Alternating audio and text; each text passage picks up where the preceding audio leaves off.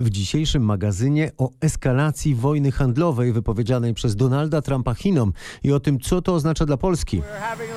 Mamy małą sprzeczkę z Chinami, ją wygramy, wprowadzamy mnóstwo ceł, oni ogłosili nowe przeciwko nam, a my mamy nowe przeciwko nim. Mówi Donald Trump i ogłasza podniesienie zarządzonych niedawno ceł na towary z Chin i wprowadzenie nowych. Chińska prasa zapowiada walkę do końca i pisze o barbarzyńskich cłach, bo taryfowa tama ma już powstrzymywać właściwie cały warty setki miliardów dolarów rocznie import z Chin do Ameryki. Ale to nie wszystko. Donald Trump odkurzył też nadzwyczajne przepisy z lat 70. i zapowiada, że na ich podstawie może nakazać amerykańskim firmom całkowite wycofanie z Chin.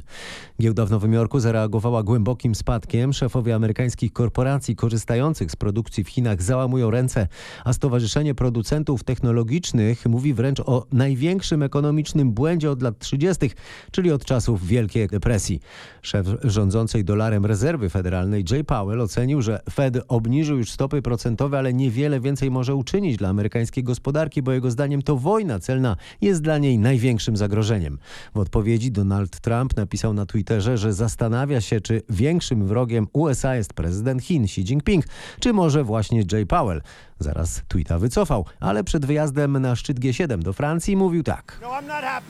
Nie jestem zadowolony z Jaya Powella, wcale nie robi dobrej roboty. Czy chcę jego rezygnacji? Powiem tak, jakby to zrobił, nie będę go zatrzymywał. To wszystko oznacza rewolucję w gospodarce światowej. Szykuje się zatem zmniejszenie wymiany handlowej, przenoszenie produkcji i tworzenie nowych sojuszy.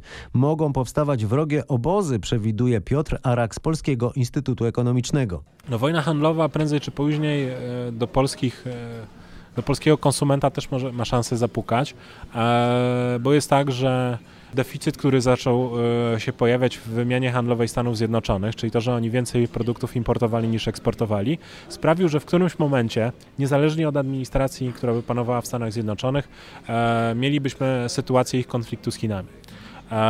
Donald Trump podejmuje w tym momencie decyzje związane z interesem producentów i rynku e, amerykańskiego, po to, żeby e, minimalizować straty tamtejszego przemysłu i to, żeby utrzymać e, bardziej dominującą, znaczy ich amerykańską dominującą pozycję w globalnej ekonomii, w globalnej gospodarce. My jesteśmy na szczęście na peryferium tego wszystkiego. Jest tak, że rzeczywiście przy zwiększającym się eksporcie polskich produktów na, do Chin i do Ameryki, e, my będziemy e, i część naszych produktów może być zacząć klasyfik może być e, klasyfikowana jako wrogie dla któregoś z tych ob dwóch obozów, które mogą powstawać.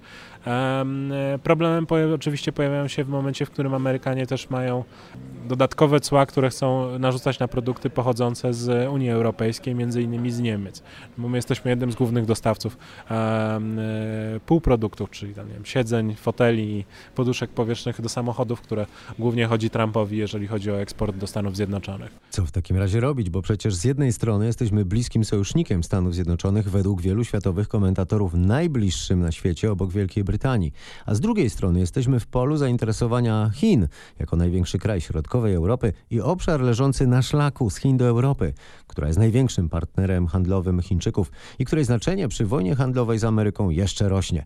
Jak powinniśmy się pozycjonować? Specjalista od spraw geostrategii Jacek Bartosiak mówi mi, że należy pamiętać o polskim doświadczeniu II wojny światowej. No właśnie, jesteśmy w strefie zgniotu, bardzo poważnym dylemacie. Na dodatek e, w ścisłym sojuszu ze Stanami Zjednoczonymi, które chcą utrzymać swoją dominację w władzie globalnym.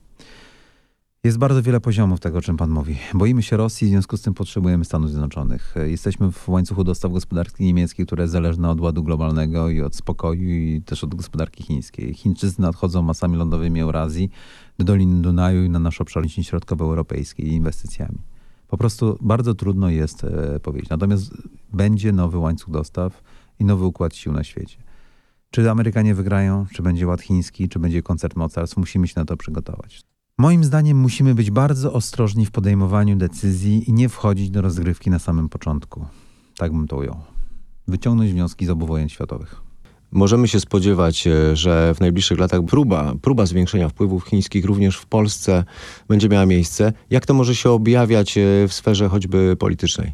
To jest zawsze powtarzalny model, dotyczy to wszystkich wpływów. Pojawiają się inwestycje, pojawiają się, pojawia się infrastruktura, pojawiają się łańcuchy dostaw, zależności, E, pieniądze i tak działają, przecież tak Unia Europejska w Polsce działa, tak działają Niemcy, Amerykanie, cały Zachód, wcześniej Sowieci. I tak samo będą Chińczycy. Zawsze jest tak samo od początku świata.